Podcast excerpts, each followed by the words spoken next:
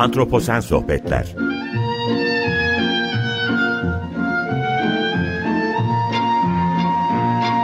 Hazırlayan ve sunan Utku Perktaş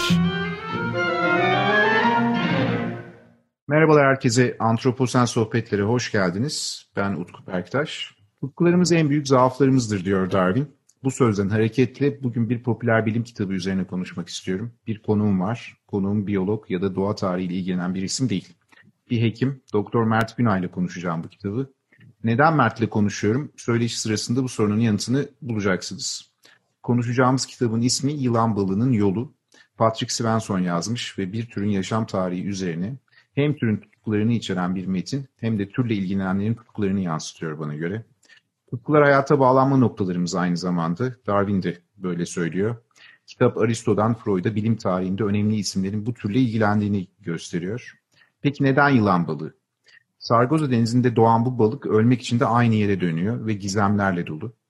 Yılan balığının bu döngüsel yolculuğu bizlerin hayatı anlamı çabamız hakkında neler söyleyebilir? Hayatta kalmak için gizemli mi olmalıyız? Gizemlere mi ihtiyacımız var? Bu gibi sorulara biraz cevap bulmaya çalışacağız.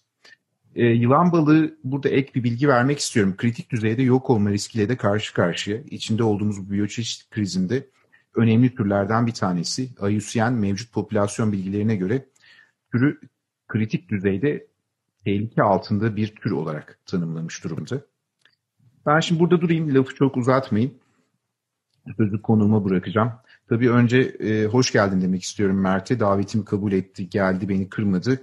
E, o yüzden bir öncelikle hoş geldin demek istiyorum. Mert merhaba, hoş geldin, nasılsın? Çok teşekkür ediyorum sana geldiğin için. İyiyim. Yani 30, 30 yıllık dostluğumuz düşünülürse tabii ki de seni kırmayacaktım. Ee, yani bu benim için büyük bir keyif. İlk kez de yaptığım bir şey oldu.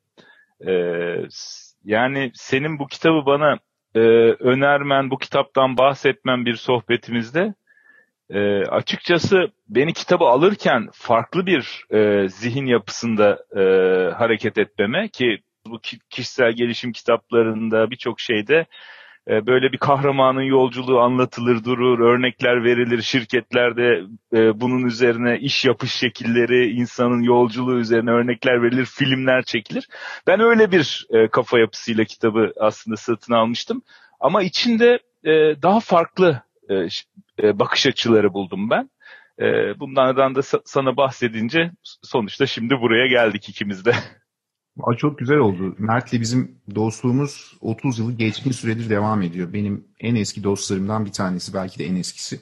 Dolayısıyla da ayrı bir önemi var bu kaydın. Şimdi sorulara yavaş yavaş geçmek istiyorum. Öncelikle kitabın sende açtığı pencere ne oldu Mert? Yani bir tıp hekimi olarak, bir bilim okuyucusu olarak, bir bilim insanı olarak ve aynı zamanda da iş dünyası içerisindesin. Bunu biliyorum bir iş insanı olarak. Yani yavaş yavaş buradan başlayalım mı? Ne dersin? Elbette. Şimdi e, benim ilk kez zooloji alanında okuduğum bir kitap bu. Ama sonuçta hayat bilimleri e, üzerine ben de çalıştım yıllarca. E, orada gördüğüm şeyler var. Bunlardan bir tanesi doğa e, her canlıya bazı görevler veriyor. E, bu canlıların içgüdüleri, yaşam döngülerinin en önemli, en zor görevlerini yaparken de akıl almaz fedakarlıklar, yani bu insan içinde olabilir, hayvanlar içinde olabilir, yapmalarına sebep oluyor. Ve bunu onlara zorlayan, e, her ne kadar bugün hayvanların karmaşık bir bilinç durumu olduğunu da ortaya koymuş olsalar bile, genelde böyle e, insan dışındaki yaratıklar için işten gelen bir e, dürtü şeklinde tanımlanıyor.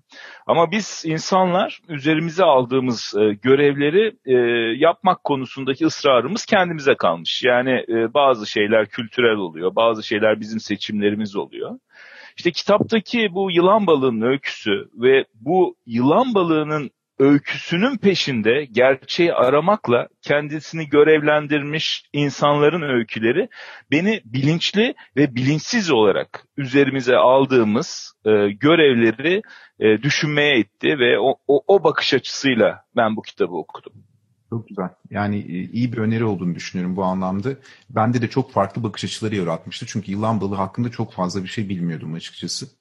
Şimdi yılan balığı üreme amacı için bedenini bile yok etmeye yönelebiliyor. Benim kitaptan öğrendiğim ve Sargozo Körfezi'ne yolculuğu destansı bir yolculuk. İç organlarını yok etmeye ve hatta yıllarca sürecek bir yolculuğa çıkabiliyor yılan balıkları. tek bir yerde ürüyorlar. Bu noktada merakım şu, bedenimiz hayatta yol almamız için önemli bir bileşen değil mi? Hani bir hekim olarak e, bu konuda ne söylersin?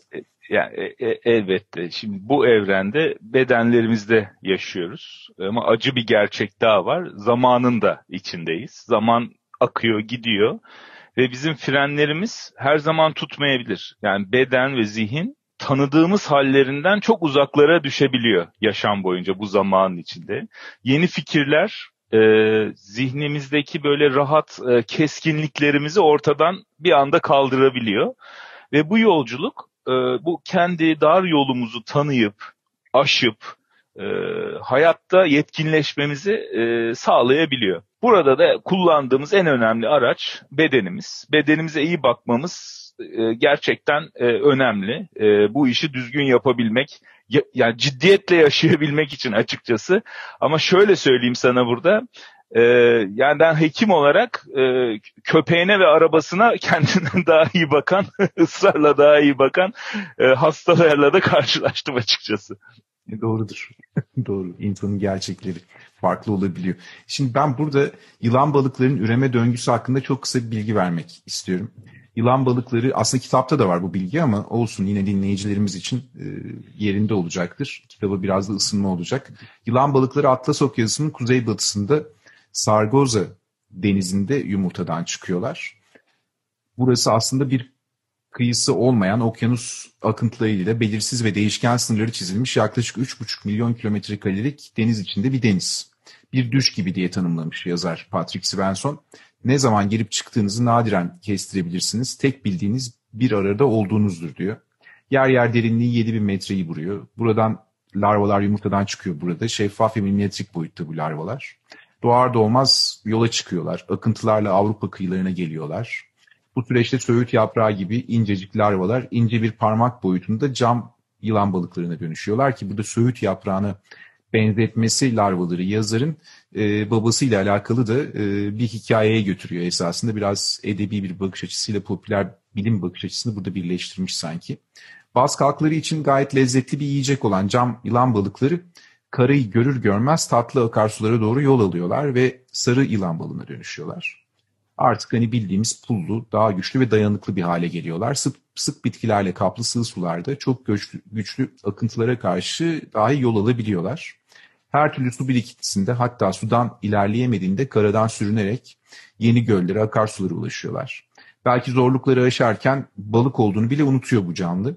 Binlerce kilometre sonunda birden yuvasını bulduğuna karar veriyor, duruyor ve yuvası bel, e, yuvasını bildiği bir yer için birkaç yüz metrelik bazen çamurlu bir alanda yaşıyor. İddiasız bir yaşam sürüyor burada. Çamurdan çıkıp ne bulursa yiyor, kış uykusuna yatıyor. Başına bir şey gelmezse de burası çok ilginç bana göre bu bilgi ki 50 yıl kadar yaşayabiliyorlar. Fakat yaşamın belli bir noktasında genelde 15 ila 30 yaş arasında üremeye karar verip binlerce kilometre uzaktaki doğum yerlerine doğru bir geri dönüş yoluna koyuluyorlar. Bu sırada son başkalaşımını geçirip gümüş yılan balığı haline geliyorlar.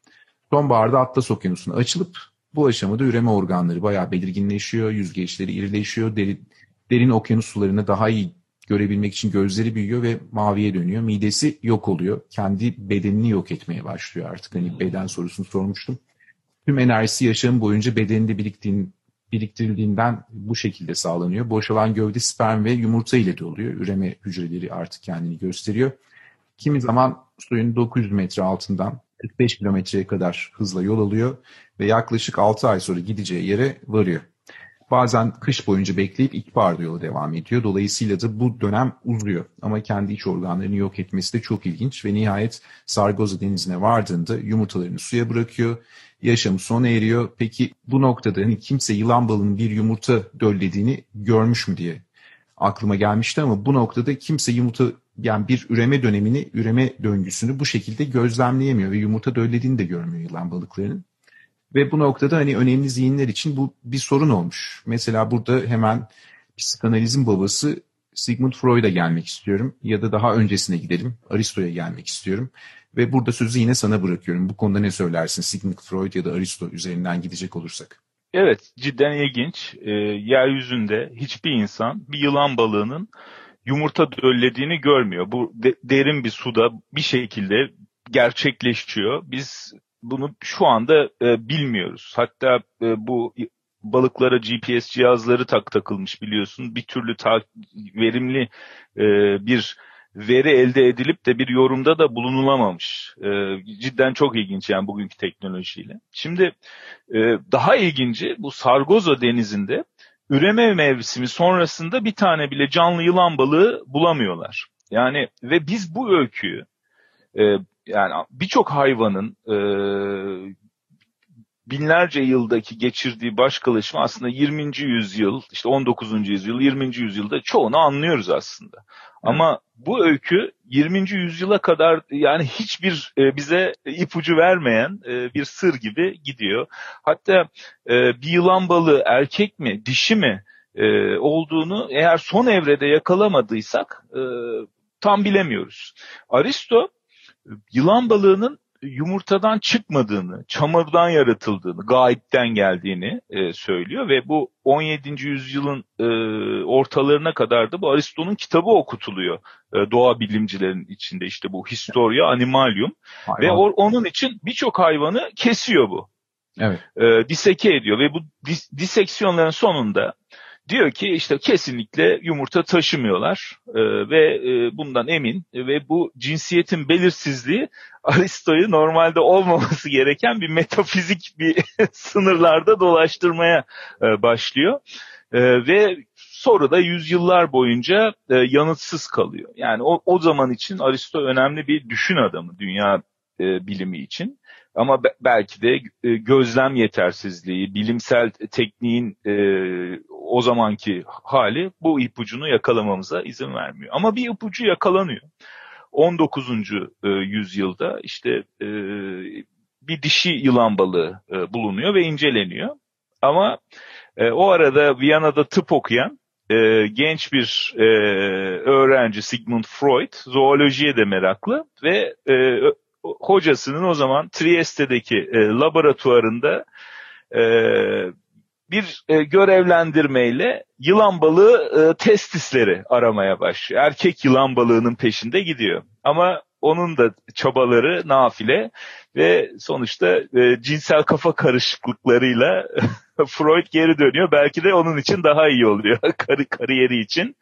Ama e, biz e, kendimize dönersek e, Freud'dan sonraki 20 yılda da yani e, 19. yüzyılın sonu Freud'un bu gezisinden, Trieste'deki gezisinden sonra 19. yüzyılın sonu 20. yüzyılın başı gibi düşünelim. Ee, insanlar sadece bu balığın denizde ürediği konusunda hemfikir oluyorlar ama dünyada deniz bol kim bilir nerede. Yani bu, bu soru bu soru kalıyor hala açık.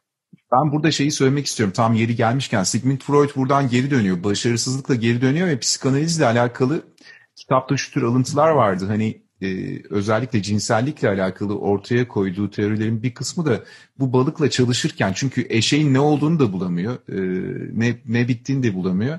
Bununla ilgili ortaya o zamandan şekillenmeye başlamıştı gençken diye e, yazar kendi yorumunu katmıştı. Ne kadar doğru bilmiyorum ama ilginç gelmişti. Şimdi burada ben şunu söylemek istiyorum Mert, onu sana soracağım. Yayın öncesi de aslında konuşuyorduk bunu. Burada tutku demek istiyorum. Başta da Charles Darwin'den bir alıntıyla başladım tutkularımız yaşama tutunma noktaları mı ya da tutkularımız için mi yaşıyoruz? Bir şeyi keşfetme yolu mu tutkularımız? Yani hayatta kalabilme ya da hayata devam etme yolu mu? Burada yine Johannes Schmidt denilen bir Danimarkalı bir adam var. Ee, onun öyküsünü hatırlıyor musun? Bu noktadan yola çıkarak tutkular konusunda senin kişisel fikrin de ne? Bunu da merak ediyorum. Hani kitapta bu öyküden de anladığın kadarıyla bunu tam tutku olarak ben tanımlamıyorum. Bir level üstüne çek- çekmek istiyorum evet. bunu. Çünkü şöyle bir şey, bu bir domino taşı gibi. Bir insan bir şeyi merak ediyor. Sonra bunu e, kendine görev belliyor. Ama burada araçlara ihtiyacı var. Bilimsel yöntem çok kritik bir araç. Evet. Ve bir domino taşı gibi üstüne bir şey kurabiliyorsunuz. Yani şu, anda çağımızdaki her şey bir önceki e, insanın bir şey düşünüp onu bir teknik bir yöntemle arayıp bulup sonra açıklaması, onun üzerine yeni bir teknik, yeni bir yöntemle daha ileriye taşınması. İşte aslında bilimsel yöntemin domino taşı gibi yüzyıllardır böyle gelmesi bu şekilde oluyor. Çünkü kimse doğru yöntemi aslında bilmiyor ama o gün için en uygun, en akılcı olanı seçmek çok kritik. Şimdi mesela burada ilginç bir öykü var. Bu Johann Schmidt'in çocukluğundan başlayan bir öykü. Şimdi 1884 yılında Carlsberg bira fabrikasının sahibinin Danimarka'da ünlü bir konuğu var ve bu bira üretimi için çok e, önemli olan e, yiyecekleri mikroorganizmalardan korumanın bir yolunu bulan Louis Pasteur. Ve bu ziyaret sonrası Carlsberg ailesi fabrika bünyesinde bir araştırma laboratuvarı kuruyor. İşte o laboratuvar sayesinde bugün dünyanın en büyük bira üreticilerinden biri oluyor. Yani ilmi ve aklı kullanıyorlar, araştırmayı kullanıyorlar. O sırada bu fabrikada çalışan e, bir e, kimyager var. Bu da Johann Schmidt'in dayısı. Johann Schmidt 7 yaşında babası ölünce annesiyle birlikte e, o şehre taşınıyor ve Carlsberg laboratuvarı dayısının yanına gidip geliyor ve orada bilimsel çalışmanın temel kurallarıyla karşılaşıyor. Gözlemlemeye, tanımlamaya, anlamaya karşı bir arzu, tutku burada. Arzu durmaya başlıyor. Ama daha sonra onu kendine görev ediniyor ve 1903 yılında bir doktoralı bir biyolog haline geliyor ve Carlsberg bira fabrikasının müdürünün kızıyla da evleniyor. Fakat eşini evde bırakıp işte bu e, merakının peşinden Atlantik Okyanusu'na açılıyor e, ve e, şans eseri Faroe Adaları'nın batı kıyısında bir leptosefal larva yakalıyor. Şimdi Akdeniz dışında o güne kadar görülen ilk yılan balığı larvası bu. Ve Atlantik büyük bir yer. Bu samanlıkta iğne aramak gibi bir şey. Yani milimetrik bir e, canlıyı arıyorsunuz. Ama cevap cevabın peşinden gittiği için yılan balığı diyor demek ki Atlantik'te bir yerde e, ürüyor. Ve kıyıları 7 yıl boyunca karış karış geziyor. Ama bu arada e, bazı yardımlar da alıyor. İşte biz de bilimsel e, yöntemi uygularken bu, bu tip yardımlara ihtiyaç duyuyoruz. İşte orada eldeki teçhizat e, Danimarka'daki ticaret gemileri ve 1911 ile 14 arasında buradaki denizcilik şirketlerinin de yardımıyla böyle 23 e, tane kargo gemisi normal işlerinin yanı sıra e, şeffaf larva arıyorlar Şimit'e yardım etmek için. Ve ellerinde de sadece ağlar var. Başka da bir araç yok. Yani doğru bir şey yok aslında. Teçhizat da yok ellerinde. Ama şunu görüyorlar. Batıya doğru Atlantik'te gidince larvalar küçülüyor.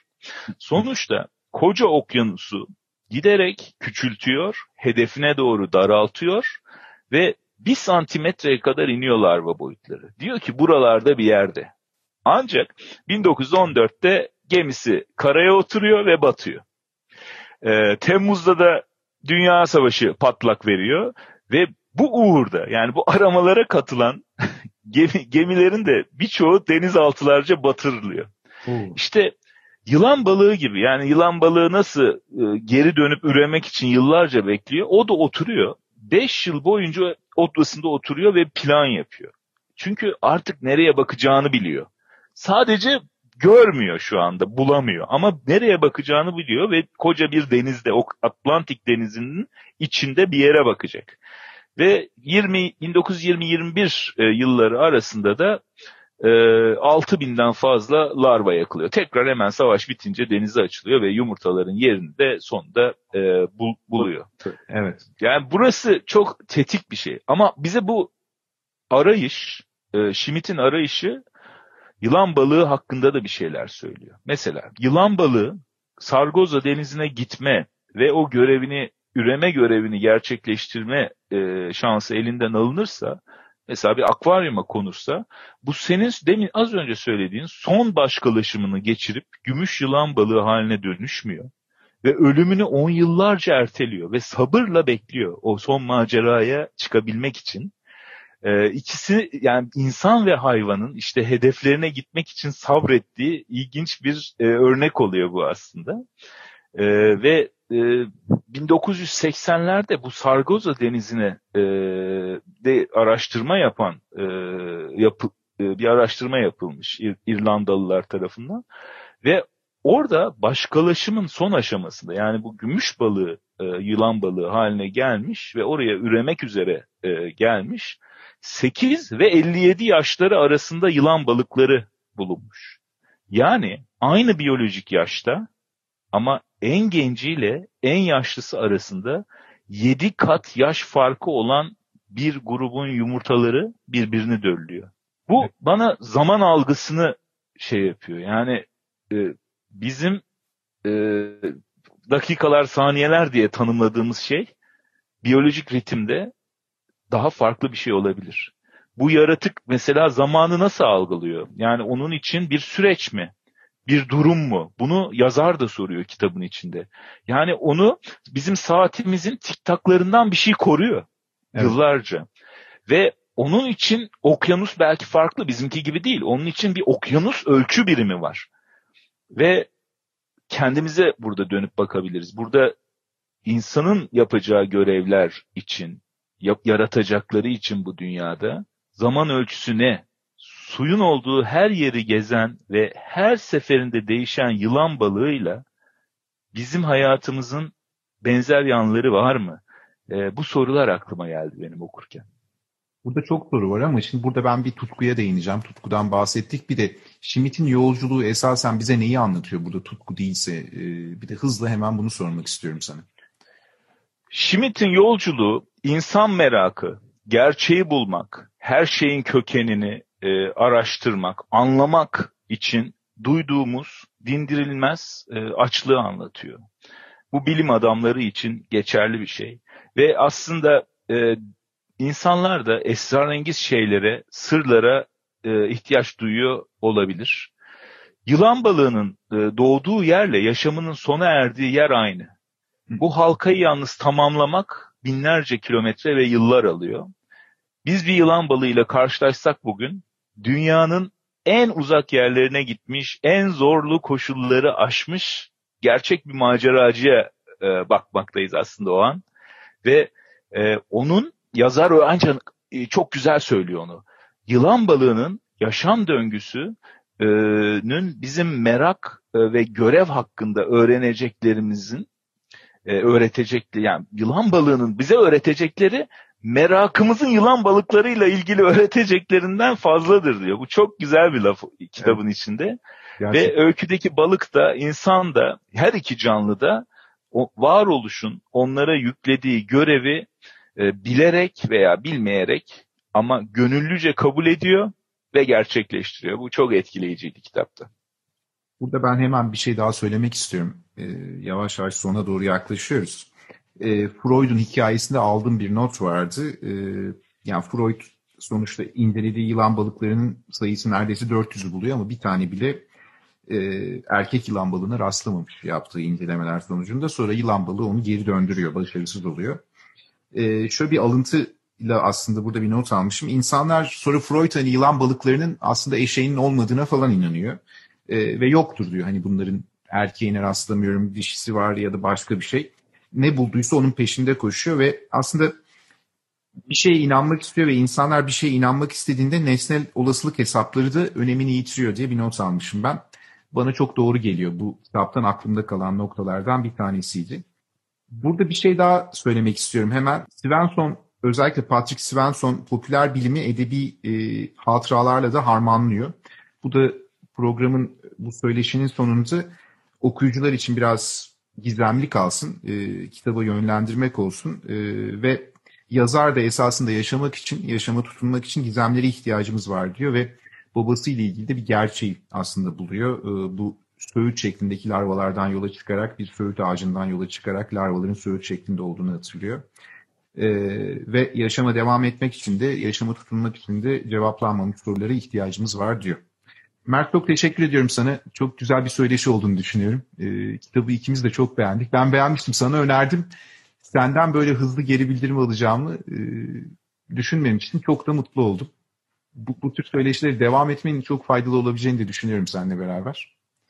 Memnuniyetle yani e, tıp tıp popüler bilimi okumaktansa zooloji popüler bilimi okumak daha keyifliymiş onu onu anladım ben bundan. Eksik olma. Çok teşekkür ederim. Ben dinleyicilerimize de hoşça kalın demek istiyorum. Önümüzdeki günlerde antroposen sohbetlerde bu tür konulara, biyoçeşitlik ve iklim sohbetleri yanı sıra bu tür konulara da yer ayırmaya devam edeceğim, konuşmaya devam edeceğiz. Hoşçakalın, görüşmek dileğiyle.